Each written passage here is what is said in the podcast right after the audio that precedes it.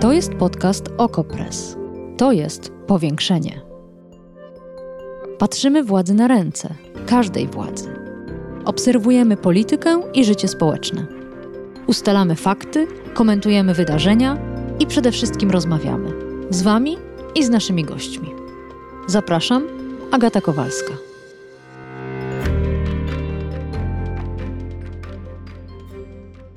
Środa, 18. A to jest powiększenie live, powiększenie na żywo przy mikrofonie Agata Kowalska. Dzień dobry Państwu. Powiększenie na żywo to jest część naszego podcastu, podcastu Okopres, który co tydzień nie tylko oznacza spotkanie z ekspertami, z naszymi gośćmi, ale również z Państwem. To jest zarazem zaproszenie do dyskusji. Zapraszam do sekcji komentarzy. Mam tutaj telefon, będę zerkać, e, co Państwo piszą, a na jaki dzisiaj temat. Dzisiaj chciałabym ponownie zajrzeć do Nowego Ładu, czyli do programu Prawa i Sprawiedliwości, do rozdziału poświęconego polityce mieszkaniowej. Prawo i Sprawiedliwość miało kłopot, bo mieszkanie plus nie wypaliło. Te tysiące mieszkań nie powstały. W związku z tym postanowiono przedstawić coś nowego. Proszę posłuchać fragmentu. Po sukcesie budowy małych domków rekreacyjnych, tylko na podstawie zgłoszenia, czas na kolejny krok w stronę budownictwa bardziej przyjaznego obywatelom. Wprowadzimy nowe przepisy regulujące budowę małych domów mieszkalnych do 70 m2. Tak, Prawo i Sprawiedliwość chce pomagać pozbawionym mieszkań obywatelkom i obywatelom. I tu są dwa pytania do państwa i za chwilę do naszych ekspertów. Czy ten plan się powiedzie? Innymi słowy, czy liberalizacja przepisów budowlanych realnie sprawi, że zaczniemy sami na własną rękę budować sobie domy, a po drugie, jeśli to się powiedzie, to co z ładem przestrzennym?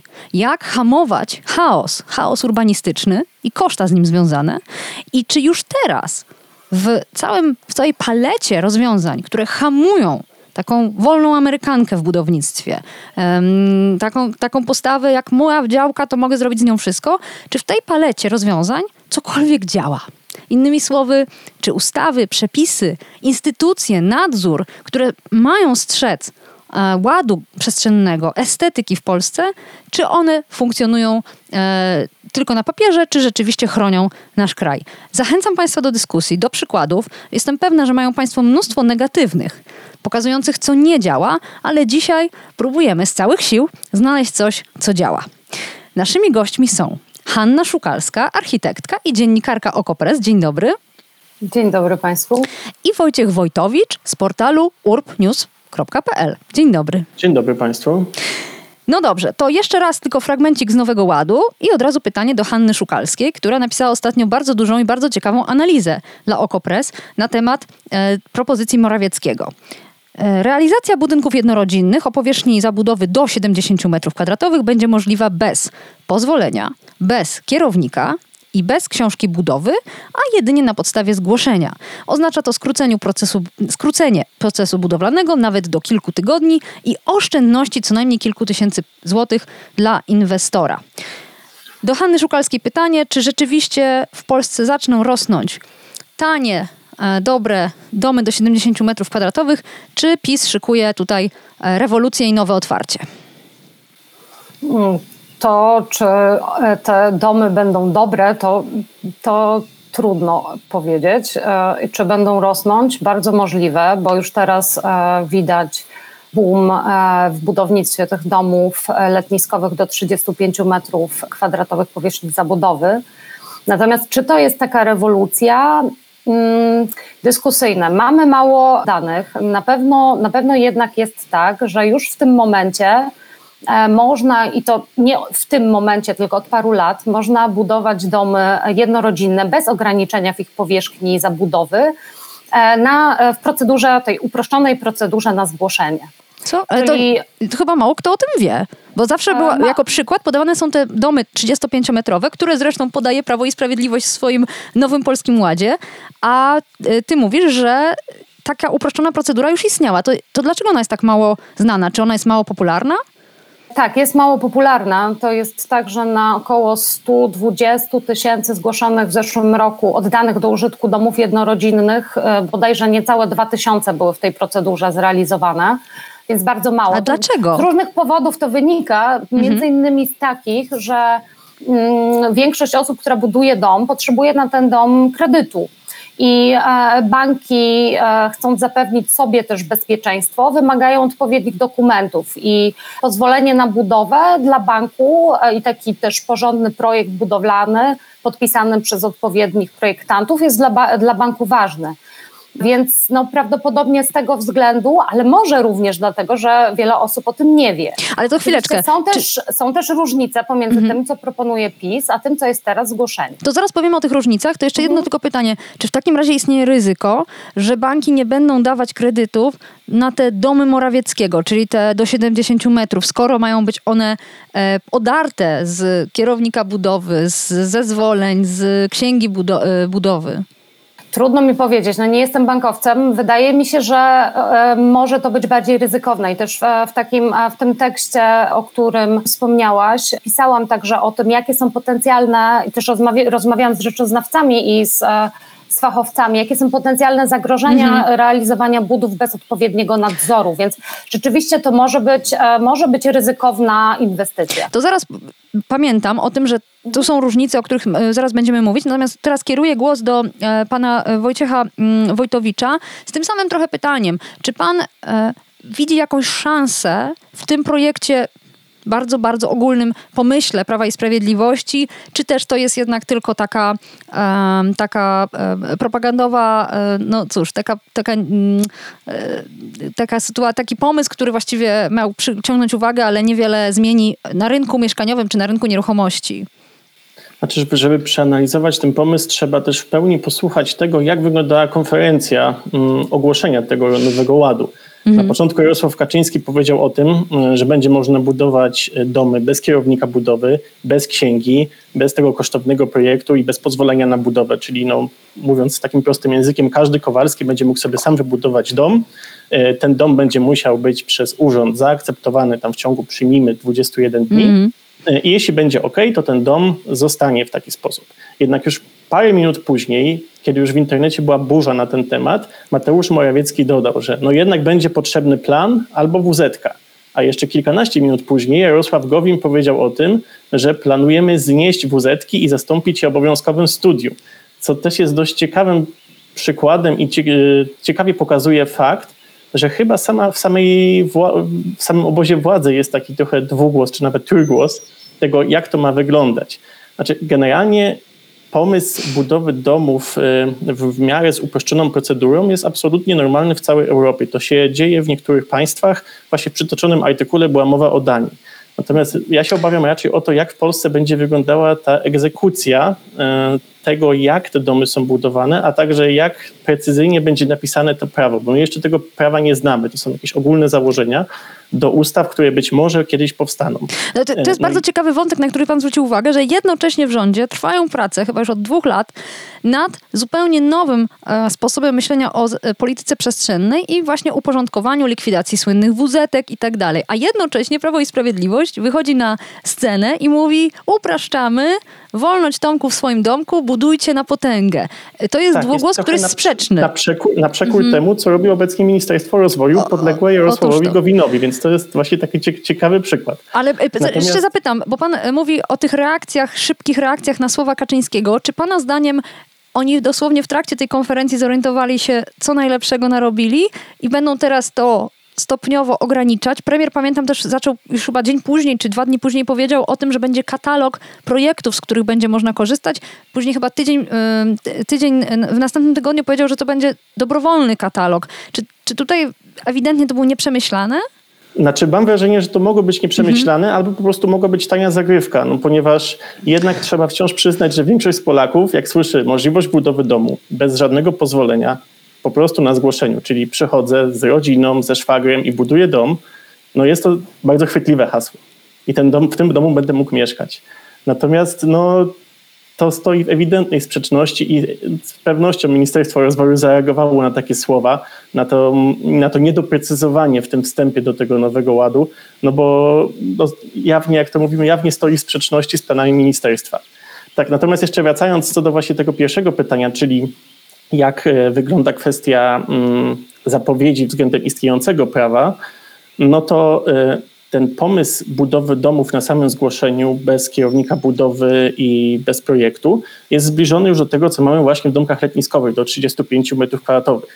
No i tutaj też trzeba ten temat trochę rozwinąć, jak to wygląda obecnie w Polsce. Po pierwsze, to prawo jest, e, jak mówiłem, niekontrolowane. Mm, to jest problem, generalnie problem całego polskiego prawodawstwa związanego z czy to z planowaniem przestrzennym, z architekturą, budownictwem, że możemy stworzyć prawo, które w założeniach nawet jest dobre, ale no jeśli tego prawa nie sprawdzamy, jak ono wychodzi w realizacji, może wskutek tego powstać wiele, już nawet pomijam koszmarków architektonicznych czy urbanistycznych, czy mogą powstawać domy, które zasłaniają jakieś cenne krajobrazy, ale może, może też powstać wiele obiektów po prostu niebezpiecznych. No, Najwyższa Izba Kontroli niedawno wydała raport, który pokazuje, że podobne domy właśnie około 35 metrów, ale też domy po 70, 80, 90 metrów letniskowe powstają na przykład na koronach klifów, czyli na terenach, które grożą osunięcie. Są to samowole, a nikt tego nie kontroluje, więc no, wszystko Otóż to, to jest właśnie ten kłopot z tą Danią z artykułu Hanny Szukalskiej, że to chyba już najbardziej złośliwy sposób na porównanie Polski do Danii, kraju Dania, to jest kraj, w którym jest ogromne zaufanie mm, obywateli do państwa, e, zasadnicze jednak posłuszeństwo wobec przepisów, a nawet takie, e, taka samokontrola, samodyscyplina, jeśli chodzi na przykład o estetykę. Polska jest dokładnie na drugim krańcu. Do Hanny Szukalskiej pytanie o to, e, o czym już chciała powiedzieć, czyli czym się różni ten pomysł Morawieckiego od dotychczasowych przepisów, bo tam są pewne elementy inne. Mm, to już tutaj padło, pan Wojciech na ten temat mówił. To właśnie sprawa dotyczy kierownika budowy, bo w tym momencie, e, jeżeli chcemy wybudować dom jednorodzinny w tej skróconej procedurze na zgłoszenie, tu jest, e, to trzeba, warto pamiętać, że procedura zgłoszenia to jest 21 dni e, minimum, tyle ma, to znaczy tyle, jeżeli urząd nie wstrzyma tej procedury, to ma 20, 21 dni na zgłoszenie sprzeciwu. Procedura pozwolenia na budowę to jest 65 dni, czyli o 40 parę dni więcej, kiedy urząd wydaje pozwolenie na budowę. Oczywiście w, w optymistycznym wariancie, że wszystko jest w porządku. Nie? Czyli to, jest, to nie jest taka duża różnica w perspektywie tego, że budowa domu e, trochę trwa. Więc e, sama to, sama to, czy to jest zgłoszenie, czy pozwolenie na budowę, jeśli chodzi o te 44 dni, to nie jest e, jakaś nie wiadomo jaka ulga to oczywiście się tak ładnie nazywa, tak, bez pozwolenia. Mm, super, e, będziemy tutaj wolni i e, rewolucja wolnościowa i godnościowa, jak to powiedział premier. Ale chodzi o kierownika budowy i o projekt budowlany, to żeby zgłosić rozpoczęcie robót domu jednorodzinnego, trzeba mieć projekt e, budowlany podpisany przez uprawnionych projektantów i oczywiście musi być kierownik budowy i musi być księga budowy. No, tutaj nam obiecuje premier e, i wicepremier, prezes PiS, że tych obciążeń ich zdaniem nie będzie. Czyli to jest ta zmiana, która jest, mhm. która jest duża. I od razu chciałam o to zapytać, dlatego że mm, w swojej analizie zwracasz uwagę, że brak kierownika budowy może e, mieć poważne konsekwencje dla bezpieczeństwa, dla e, całej tego, całego tego projektu, domu. I to mnie, przyznam szczerze, trochę rozśmieszyło, dlatego że sama niedawno rozmawiałam z pewnym kierownikiem budowy. Przypomnę, jest to zawód zaufania publicznego. Nie każdy może być funkcji kierownika budowy, który chwalił się, że ma pod swoją opieką około 20 budów, które odwiedza raz na dwa tygodnie, podpisuje odpowiednie dokumenty i jedzie na następny. To, jest, to mu zajmuje tam kilka godzin tygodniowo. Poza tym ma święty spokój, zarabia porządne pieniądze na życie. E, stąd moje pytanie o, i tu już widzicie Państwo, tu już nawiązujemy do tego, co w Polsce działa, a co nie działa. Jak to jest z, tym, z, z, z, tą, z tą instytucją kierownika budowy i dlaczego akurat na, nie, na nim położyłaś ciężar w swoim tekście?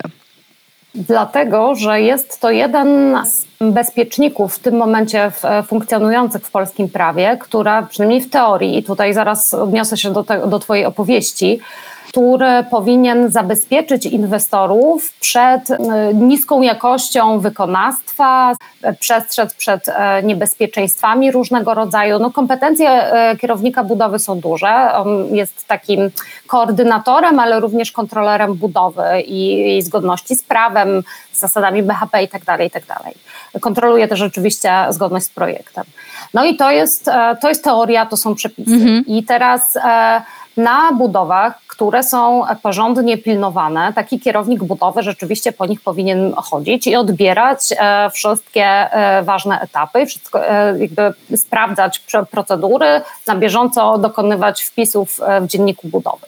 No i przynajmniej na większych budowach tak się raczej dzieje, ze względu na to, że inwestorzy po prostu sobie nie, nie pozwalają na potencjalne błędy. Ale my mówimy teraz o, dom, o, domach jednorodzinnych. Tak, a w domach mhm. jednorodzinnych bywa bardzo różnie, z różnych względów. I to jest tak, że częściowo jest to poniekąd e, wybór też inwestorów, bo rzeczywiście, rzeczywiście jest tak, że e, i to są, mm, to są informacje z, z Izby Inżynierów Budownictwa. E, jeden, jeden, jeden z moich rozmówców informował mnie o tym, że prowadzone są postępowania dyscyplinarne właśnie wobec kierowników, którzy rekordziści, kilkadziesiąt właśnie budów w jednym momencie mhm. prowadzonych ale te, te postępowania dyscyplinarne nie dotyczą tego, ile oni tych budów prowadzili, tylko tego, jakie na nich pojawiły się błędy, awarie i, i wręcz katastrofy budowlane. Więc to, to jest taka rzecz. I teraz, dlaczego ludzie się w ogóle na coś takiego decydują? Bo e, no jednak jest tak, że jeżeli taki kierownik budowy miałby na tej budowie cały czas przebywać, może, może nie jest to konieczne, by na budowie domu jednorodzinnego rzeczywiście spędzał dniówkę ale powinien być w kluczowych momentach i rzeczywiście patrzeć wykonawcom na rękę, na ręce. I to powinien, powinien móc e, zarobić jakąś taką godną kwotę, patrząc na to, że to jest osoba z uprawnieniami po wysokim, e, z, z wyższym wykształceniem. Natomiast no, ludzie starają się oszczędzić, widząc też właśnie e, kierownika budowy jako pewną narzuconą z góry funkcję, gdzie ktoś ma patrzeć właśnie im na tak. ręce, tak. ich wykonawcom, że on jest w jakiś sposób przeszkadzać, tak, że jest w jakiś sposób zbędny. No Ale... i dowiadując się, że taki koszt to mhm. byłoby parę tysięcy na miesiąc na przykład, no to może to być przerażające dla osób, dla których E, gigantycznym obciążeniem jest budowa domu. Tak. Tylko jakby e, i, i, są oczywiście kierownicy, którzy się na taką fikcję godzą niestety. No, ona, e, ta skala może być bardzo duża, no my się dowiadujemy o niej wtedy, kiedy dochodzi właśnie do jakiejś nieprawidłowości na budowie. To jeszcze teraz do Wojciecha Wojtowicza, w tym, w tym, bo to znów wracamy do tych mechanizmów, które mogłyby działać. Inne zawody zaufania publicznego, które działają wokół powiedzmy budowy, to jest architekt i inżynierowie. Dawniej jeszcze urbaniści, ale minister Gowin e, zwolnił ich z tego obowiązku i zaszczytu. Czy ten element jakkolwiek w Polsce działa? Czyli samo kontrola w samorządach zawodowych, tych zawodów, które wymieniłam. Czy coś by pan dodał do tego, co powiedziała Hanna Szukalska? Znaczy, no, jeśli chodzi o samorząd, samorząd zawodowy architektów, jego rola jest raczej tutaj doradcza. E, widzimy po Polsce, jakie projekty powstają. E, nie ma jakiejś krytyki, czy to jakości architektury e, w sensie wizualnej. Mm, no, jeśli chodzi o jakość budynków projektowania, no, mamy tu stricte do czynienia ze spełnieniem norm, pod, podstawowych norm. Jeśli budynek spełnia normy, no to uznajemy, że jest ok. A z uwagi na dużą konkurencję na rynku, no, większość reprezentantów tego zawodu, nie wszyscy oczywiście, bo jest wielu architektów, którzy świetnie projektują budynki, e, także nie mówię tu tylko o starych architektach, ale o takich zwykłych budynkach mieszkalnych, natomiast no, znaczna część architektów po prostu projektuje to, za co klient jest w stanie im zapłacić. W tekście Hanny o jakości, ale też właśnie o... W tekście Hanny e, Szukalskiej rozmówca, jeden, jeden z rozmówców mówi, ja wiem, że to jest szkodliwe, ja wiem, że mnie się to nie podoba, ale tego chcą klienci, więc to projektuję to jest dziwne, że architekt w takim razie jest zawodem zaufania publicznego, w takim razie, bo jego rola jest szersza niż tylko spełnienie e, zachcianek klienta. No ale wydaje tak, się, że w Polsce to fikcja. Rola architekta od 20-30 lat stała się taką raczej rolą wykonawcy usług dla, mhm. dla zamawiającego tym zamawiającym, czy to są firmy deweloperskie, czy to jest e, jakiś tam indywidualny budujący dom, tak, czy jakaś rodzina, czy jakaś osoba fizyczna, no trzeba przyznać, że no, rola architekta sprowadza się do wykonania projektu po jak najniższym koszcie, bardzo niestety często. E, no i tak samo dzieje się też z urbanistyką. No, tak jak już wspomnieliśmy, no Jarosław Gowin zderegulował zawód urbanisty, teraz nie trzeba mieć żadnych uprawnień, więc e, no, przy tworzeniu planów miejscowych e, może je wykonać każdy, skutek czego też zwiększyła się presja cenowa na, na te, właśnie na, na, na te plany miejscowe nowe, na wykonywanie ich. Mhm. No i bardzo ciężko znaleźć jakąś prywatną firmę, która by chętniej wykonywała te plany miejscowe na rynku z prostego powodu. No, ceny są sztucznie zaniżane przez pracownie, gdzie na przykład tylko jedna osoba ma jakieś uprawnienia, a pozostałe osoby, które pracują nad tymi dokumentami, no, po prostu pracują dla tej osoby, która się podpisuje. No, ale znów, ta logika wydawałaby się słuszna, tyle tylko, że zawód architekta wciąż jest regulowany, a to nie wpływa na jakość y, tej pracy, więc nie wiem, czy deregulacja y, zawodu urbanistów aż tak wpłynęła na jakość ich pracy, czy też po prostu mamy kłopot y, z postrzeganiem w ogóle roli polityki przestrzennej. I tutaj bym chciała przejść do chyba najpotężniejszego narzędzia, jakie mamy w kontrolowaniu chaosu mm, urbanistycznego, czyli planów miejscowych, których w wielu miejscach w Polsce nie ma. E, zastępują je e, wtedy albo studium, e, wydawanie wuzetek i tak dalej, i tak dalej. I na ile ten element, ja nazywam go najsilniejszym, wedle państwa jest najsilniejszy i na ile on działa? No, plan, miejsco, plan miejscowy, czyli miejscowy plan zagospodarowania przestrzennego jest przede wszystkim dokumentem prawa miejscowego. Nie jest takim dokumentem studium gminne. Większość gminy powinny posiadać i studia, i plany miejscowe, tak naprawdę. E, natomiast to, e, to zapisy planu miejscowego są wiążące, na przykład przy wydawaniu pozwoleń na budowę. Polska jest objęta w 30% około planami miejscowymi, więc jakby nie jest, e, nie jest to dużo. Ale jeśli chodzi o to, czy to jest, czy to jest takie narzędzie, jakby mm, idealne narzędzie rozwiązywania mhm. naszych problemów planistycznych, tak i nie. To znaczy tak, w takim sensie, że w planie miejscowym e, wiemy, wiemy, co możemy wybudować. Teoretycznie ktoś go, ten plan miejscowy przemyślał, e, zaprojektował, skonsultował e, z, z różnymi i instytucjami i społeczeństwem. No i, i, mamy jakiś dokument, do którego może, na, który, na podstawie którego możemy przewidzieć, co możemy zrobić na naszej działce i co się wydarzy na działkach sąsiednich. Natomiast problem jest e, w tym, że te plany miejscowe mają wady i sama e, jakby wady e, to tutaj muszę podać pewną liczbę, sobie przeczytam, bo wynotowałam że w tym momencie, na, jeśli, jeśli weźmiemy pod uwagę tereny przeznaczone na zabudowę mieszkaniową w planach miejscowych, które pokrywają 30% kraju, mhm. e, to patrząc na jakąś taką średnią demograficzną, na tym terenie mogłoby zamieszkać 57 do 89 milionów ludzi. Czyli mamy w planach miejscowych za dużo terenów na zabudowę mieszkaniową i jakby one są w jakiś sposób wadliwe. To jest oczywiście jedna z wad planów miejscowych, ale dosyć istotna w kontekście tego, o czym pewnie będziemy dalej mówić, czyli może rozlewania się miast. Ależ to jest szalenie ciekawe, co pani powiedziała, co Hanna Szukalska powiedziała, dlatego że ja byłam pewna, że puenta będzie taka, mamy tyle miejsca zaplanowanego w planach miejscowych, że nie ma powodu, żeby budować poza tymi obszarami, a zatem e, gminy nie powinny wydawać tak chętnie wuzetek. Puenta była inna, też ciekawa. Zastanawiam się, co na to Wojciech y, y, Wojtowski i na ile y, Pana zdaniem plany miejscowe to jest jednak nasze światełko w tunelu. Znaczy też pamiętajmy, że nie wszystkie plany miejscowe są idealne. Wiele z planów miejscowych zostało sporządzonych, no, nazwijmy to po łebkach, w strasznym, w dużym stopniu ogólności, E, no a jeśli w takim planie nie mamy bezpośrednio zapisu, że na przykład plan zakazuje zabudowy mieszkaniowej jakikolwiek, mm, no to w tym momencie mm, no nie możemy nawet odmówić tego zgłoszenia mm, budynku jednorodzinnego powstającego na danym terenie, nawet jeśli na przykład obok e, mamy jakiś zakład, który e, powoduje jakieś negatywne konsekwencje do otoczenia, czyli na przykład hałas, smród, wzmożony ruch drogowy, nie wiem, spaliny. No, Plany miejscowe w Polsce bardzo często charakteryzuje mm, duży stopień ogólności. Jeśli mamy kartę terenu, czyli taki opis, jak wygląda, jak ma wyglądać, e, jakie jest przeznaczenie danego gruntu, mm, na przykład danego kwartału, czy, czy jakiegoś tam obszaru o, o, o, o danej powierzchni, no to na przykład możemy mieć zapis przeznaczenie zabudowa usługowa, dopuszczalne przeznaczenie zabudowa mieszkaniowa. Bardzo częsty, bardzo częsty zapis. Tak, mhm. tak, jest to tak ogólny zapis, że no, jeśli wpływa wniosek e, o zgłoszeniu na budowę domu jednorodzinnego, no to urząd nawet jeśli zareaguje w ciągu tych 21 dni, traktujemy to bardzo pozytywnie, że urząd w ogóle zadziała, no to nie ma, nie ma właściwie mowy o jakiejkolwiek możliwości zareagowania na taki projekt. Nawet jeśli wiemy, że obok jest na przykład ferma lisów, tak? czy jeśli mamy jakąś produkcję rolną, no nie Ale ma możliwości reakcji. To, jest, to, co pan mówi, znów kieruje mnie do mojego głównego pytania, czyli co w Polsce działa.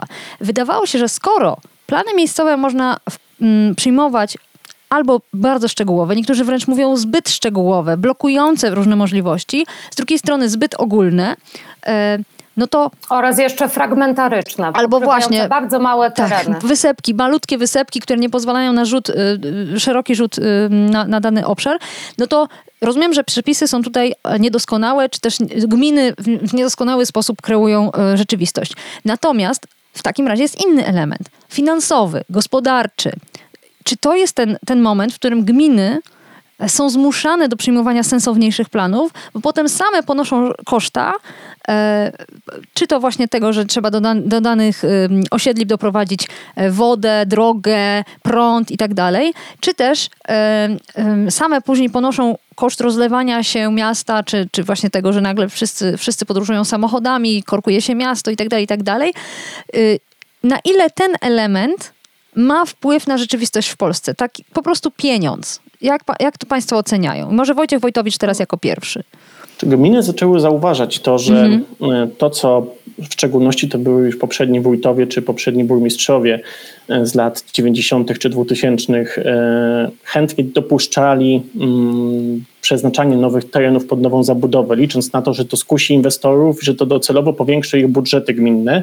No, okazało się inaczej, bo każdy taki teren, który mm, jest przeznaczony pod nową zabudowę, a często były to tereny tak rozsiewane, to nie były tereny obok siebie, jakby przeznaczali, gminy nie przeznaczały terenów kolejno jeden po drugim pod zabudowę, tylko po prostu taką metodą rozsiewania w dowolnych losowych punktach zezwalano na zabudowę.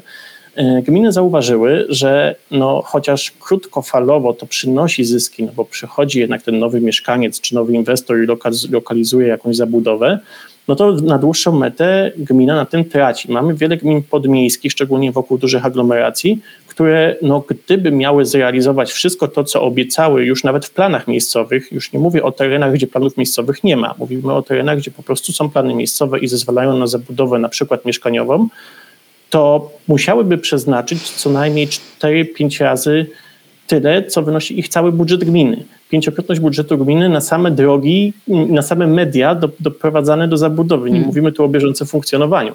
Więc coraz więcej gmin zauważa, że te koszty są ogromne. E, na szczęście za, zaczęły to zauważać też władze.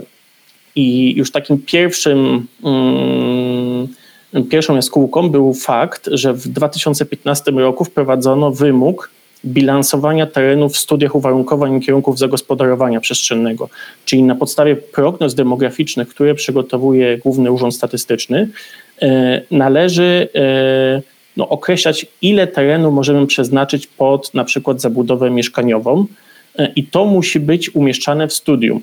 Natomiast, no, tak jak mówiliśmy wcześniej, studium jest dokumentem, nie jest aktem prawa miejscowego. Jest sugestią. Mm, tak, to jest sugestia, znaczy ona obowiązuje organy gminy przy tworzeniu planów miejscowych, natomiast jeśli mówimy o takim przysłowiowym Kowalskim, który chce zbudować sobie dom 70 metrów kwadratowych, to on nie musi patrzeć na to studium. Mhm. On może złożyć wniosek o wz czy może mm, no, procedować tę swoją inwestycję po planie miejscowym, ale nie musi patrzeć na to studium. Więc nawet jeśli wprowadzono ten wymóg, bilansowania terenów i na przykład wyłączania terenów spod zabudowy, to na dłuższą metę jeszcze nie zawsze widzimy tego efekty, chociaż już minęło 5-6 lat. Także no, zmienia się, natomiast zmienia się podejście powoli i myślę, że jeszcze dużo czasu minie. E, no chyba, że e, szczególnie Ministerstwo Rozwoju obecnie, natomiast nazwa ministerstwa się zmienia, ogólnie Ministerstwo Odpowiedzialne za Planowanie Przestrzenne zacznie e, szybciej reagować i szybciej wprowadzać takie narzędzia, które gminy będą mogły użyć. Pytanie też, czy gminy to użyją. Ale to jest ciekawe, że pan to mówi, bo mam wrażenie, że właśnie gminy nie nie potrzebują kolejnej ustawy, y, która będzie je wyręczała w podejmowaniu decyzji, odważnych decyzji, decyzji być może nawet politycznych, takie nazwijmy. Na przykład ograniczenie budowania osiedli czy domów nawet jednorodzinnych, jeśli są bardzo daleko od szkół, od sklepów, od przystanku, może leżeć w gestii gminy. Ona nie musi czekać na to, aż ustawodawca przyjmie, tak jak choćby w słynnej specustawie, że osiedle może powstać, jeśli jest do tyle i tyle do przystanku. Więc to jest znowu, rozumiem, też kwestia takiego dobrego gospodarzenia. Hanna Szukalska w tym samym temacie, a zaraz przejdziemy jeszcze do tema- mojego ulubionego tematu, czyli wolności wypływającej z własności. Ale najpierw jeszcze, jeśli chodzi o plany miejscowe. Tak, no, odniosę się do tego, co powiedziałaś przed chwilą o wpływaniu na samorządy i o dobrym gospodarowaniu. To jest tak, że trzeba wziąć też pod uwagę z jednej strony presję jakąś taką centralną na samorządy, zwłaszcza w obecnej sytuacji e, politycznej, to jest skomplikowany temat. Natomiast jest też tak, że błędy czy wady planów miejscowych, studiów i innych dokumentów planistycznych gminy mogą też wynikać nie tylko z nie wiem, nieświadomości czy, czy, e, czy na przykład nieprzewidzenia konsekwencji jakichś procesów przez e, władze lokalne, ale też tego, że na przykład występuje presja urbaniz- urbanizacyjna na dane tereny, że są pewne grupy interesów. To są, jeżeli mówimy o urzędach które decydują o uchwalaniu planu miejscowego, to jest na przykład wójt, on jest wybierany, e, Rada, rady, rady gmin też są wybierane w wyborach, e, w związku z czym to jest tak, że te osoby, które decydują o dokumentach planistycznych, muszą się też liczyć z tym, czego e, chcą ich wyborcy, mm. łącznie z takimi wyborcami, którzy są, może mają jakby argumentację silniejszą niż e, Czyli tak jednak zwany ustawa. Czyli jednak ustawa, kibicujemy e, ministrowi Gowinowi. Jest, taka, jest, jest, takie ciekawe takie opracowanie Komitetu, Komitetu Zagospodarowania Przestrzennego PAN, które mm. mówi o tym, że i samorządy, ale też jakieś mechanizmy motywujące te samorządy do tego, żeby móc dyskutować z, właśnie z taką presją. Ja, no tak, no rzeczywiście jednak y, no, trzeba pomóc samorządom uratować się przed nimi samymi. Ja się z tym zgadzam. Y, no dobrze. Wolność wynikająca z własności. Kilka już chyba dni czy tygodni temu, umieściłam w internecie zdjęcie z okolic e, Bieszczad, e, gdzie na dawnym zboczu e, góry pojawiły, tam chyba wcześniej były łąki, pojawiły się domki do 35 metrów. Cały ich szereg, chyba z 6 czy 7, na niewielkiej działce. I napisałam, że no, zgroza, załamując ręce, jak to krajobraz jest niszczony. Ale że ludzie przyjeżdżają, a tych domków jest coraz więcej i one po prostu szpecą krajobraz. I co się rozpętało? Okazuje się, że jestem wrogiem wolności, a człowiek, który ma to pole i który zainwestował pieniądze, ma pełne prawo stawiać tam dowolne domki do 35 metrów w takim kształcie, jaki mu się podoba. I o co mi chodzi, bo ludzie chcą przecież zarabiać pieniądze. Tu akurat była mowa o domkach do 35 metrów, to, to są takie domki, do których przyjeżdżają turyści, ale to chciałam przenieść troszeczkę też na poziom wyższy, czyli zabudowy jednorodzinnej. Czy istnieje jakiś mechanizm? Bo rozmawialiśmy teraz o samorządach, o gminach który by hamował tą dobrowolność architektoniczną e, w planowaniu, w projektowaniu, jeśli chodzi o e, inwestorów e, indywidualnych, czyli po prostu nas samych. Hanna Szukalska może teraz jako pierwsza. Myślę, że to jest, to jest bardzo ważny temat, którego dotknęłaś, a mianowicie tego, że są różne interesy różnych grup. I tak jak na przykład ocena, ocena krajobrazu, osoba, której zależy na, na krajobrazie, ma inne wartości niż osoba, która na przykład cieszy się, że sprzedała grunt na taki domek. Nie? Więc to jest coś bardzo, bardzo ważnego, żeby zdawać sobie sprawę, dlaczego w ogóle kwestie dotyczące architektury i urbanistyki są tak ciężkie i tak trudne jest reformowanie. To jest niezwykle złożony system bardzo wielu interesów, bardzo często sprzecznych. E, natomiast wracając do pytania, to jest tak, że no mamy, mamy trochę e, jakby mechanizmów ograniczających jakieś takie samowole. No mamy, mamy te plany miejscowe, one bardzo, bardzo często bardzo dużo nam określają, jak, jak wysoki budynek możemy wybudować, ile, e, jaki procent działki możemy zabudować i tak dalej, jaki kolor może mieć elewacja czy kąt nachylania dachu. No więc bardzo dużo informacji. WZ, czyli e, warunki zabudowy, również określają takie parametry, e, maksymalną wysokość. I tak do, po prostu to jest coś, co, e, co mm, w takim dokumencie jest określone. Mamy też prawo budowlane, które mówi o bezpieczeństwie, o jakichś podstawowych może mm. nawet nie tylko podstawowych, ale dosyć złożonych kwestiach dotyczących tego, jak budować. Mamy warunki techniczne, jakim powinny odpowiadać budynki i usytuowanie, gdzie są bardzo dokładne informacje odnośnie tego, tego, jak dane, dane rzeczy, na przykład z mojego poletka architektonicznego projektować, a projektanci innych branż mają swoje odpowiednie dokumenty, normy, są normy dotyczące projektowania różnych rzeczy, więc to nie jest tak, że przeciętna Kowalska może sobie po prostu wybudować co chce. Nie, nie, nie może, ale próbuje. Ale właśnie no dobrze, to już przekazuję teraz głos e, do Wojciecha Wojtowicza. I moje pytanie jest bardzo proste. To skoro jest tak, jak mówi Hanna Szukalska, tych przepisów, ograniczeń jest wiele, to dlaczego ja w Bieszczadach raz po raz widzę nowe pole rolne, orne, które zamieniane jest w mikroosiedle mikrodomków. Coś tu ewidentnie nie działa, a jednocześnie widzę wsie, w których szaleje fantazja architektoniczna i, e, i właśnie taka, taka, taka popisywanie się jednego sąsiada przed drugim, kto dostawi więcej kolumn przed swoim domem. Co tutaj nie działa? Tak, no po pierwsze mówiliśmy tutaj o wielu narzędziach przed chwilą, jakie mm -hmm. są dostępne i jakie państwo polskie, no bo trzeba tak to nazwać, bo zarówno są to samorząd, jak i inne organy, posiadają. Problem jest w egzekucji. To jest bardzo prosta sprawa. Problem jest w egzekucji, problem jest w chęci tej egzekucji. Eee, chyba z dwa lata temu opublikowany został właśnie raport Najwyższej Izby Kontroli, która przeanalizowała miejscowości turystyczne. No nie, akurat nie w górach, ale nad morzem. O, nie wiedziałam. To muszę zajrzeć do niego. Niech, tak. niech pan zdradzi zakończenie efekt był taki. E, Najwyższa Izba Kontroli stwierdziła mnóstwo samochodów budowlanych, mnóstwo budynków, które powstały 20 metrów od granicy klifu, co jest zgodnie z polskimi przepisami po prostu nielegalne. E, a gminy nadmorskie musiały o tym wiedzieć, jeśli by się tym tematem jakkolwiek zainteresowały. No są to bardzo często te lokalizacje, to były siedziby tych gmin, miasta, znaczy wsie zazwyczaj, miejscowości, e, gdzie no, właściwie na oczach urzędników te budowy powstawały, i gdzie na przykład dokonywano ogrodzeń czy budowano budynków właśnie tuż przy granicy klifu. E, w wielu przypadkach gmina dowiedziała się o tym, że istnieje taka sama wola na ich terenie, dosłownie kilkaset metrów od siedziby urzędu, od Najwyższej Izby Kontroli, która no, wybrała akurat tą gminę do, jako taką próbkę badawczą. E, I myślę, że to jest idealny przykład, jak, który pokazuje, jak to działa w całej Polsce. E, no, innym takim przykładem są mieszkania na wynajem. Tu już wchodzimy w trochę inny temat, ale jakby trzymamy się tej mieszkaniówki.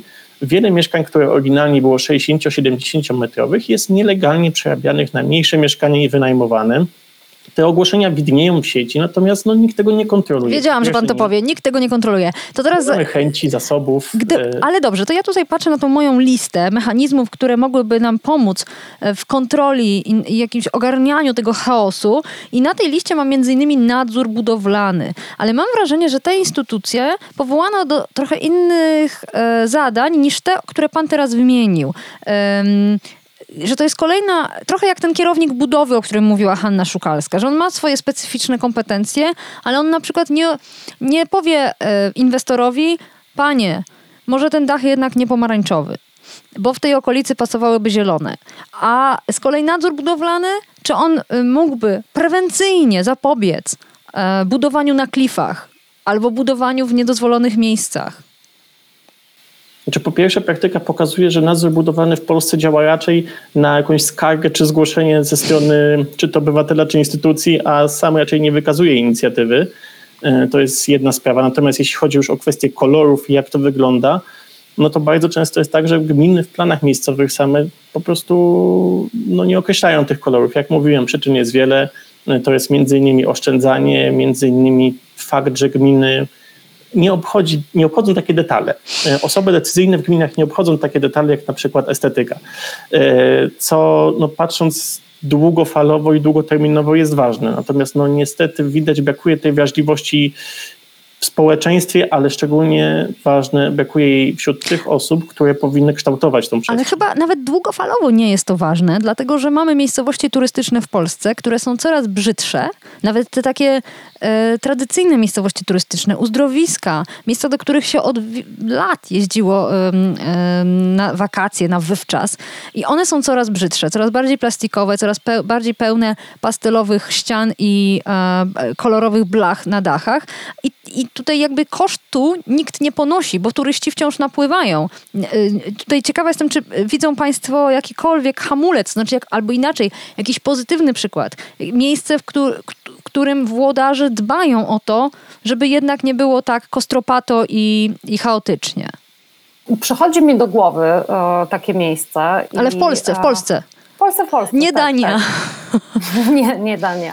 Są, są takie realizacje, które są na przykład oparte o plany miejscowe, o konkursy architektoniczne, urbanistyczne, współpracę projektantów ze społecznością lokalną, z urzędnikami. I na przykład jest taki projekt we Wrocławiu w dzielnicy Żerniki, Nowe Żerniki. To ma też taką szumną nazwę WWA2, czyli nawiązuje do takiego modelowego osiedla mieszkaniowego z czasów modernizmu na przykład. No i to jest, to jest takie y, miejsce, gdzie rzeczywiście, mm, rzeczywiście i pomysłodawcy, i wykonawcy tego, i urzędnicy, jako do takiego sztandarowego projektu miejskiego podeszli z dużą właśnie dbałością o, o to, jak to wygląda. Nie, tyl, nie tylko też jak to wygląda, ale też jaką ma strukturę funkcjonalną, e, jak to społecznie działa i tak dalej. Więc zdarzają się takie e, inwestycje na pewno, chociaż rzeczywiście w całej masie są nie tak bardzo Są wyjątkiem. No to, natomiast ja, ja, jeszcze jedną rzecz chciałam powiedzieć, bo to jest tak, że nie da się wszystkiego napisać w planie miejscowym i w prawie. Jak mhm. się próbuje napisać też za dokładne plany miejscowe, to potem się pojawia taki backlash, czyli że trzeba je właśnie zderegulować, te przepisy, kiedy są zbyt sztywne. I tutaj problemem rzeczywiście jest coś takiego, że e, jakby potrzeby, nie wiem, estetyczne, czy po, poziom zrozumienia dla i wartości estetycznej, ale też dla kwestii urbanistycznych związanych z tym, że dlaczego niedobrze, że miasta się rozlewają, dlaczego niedobrze, że będę mieć nieekologiczny dom, nieocieplony, e, opalany kozą czy, czy kopciuchem jakimś. Dlaczego to jest niedobre? Dlaczego niedobre jak sąsiadowi, który ma, ma e, domek na przykład, e, nie wiem, obłożony czerwoną cegłą, a ja mu tutaj wywalę turkusowego klocka? E, dlaczego to jest niedobre? No to to jest też kwestia jakiegoś naszego może dziedzictwa kulturowego, no ale na pewno braku edukacji, edukacji architektonicznej, estetycznej w szkołach. I to jest tak, że ona jest niewielka, nie mamy świadomości tego i, i że, że w ogóle my oddziaływujemy na więcej niż naszą działkę. Nie bardzo mamy po prostu z czego korzystać, nawet jeżeli chcemy zrobić dobrze. I tą myślą kończymy dzisiejszą dyskusję.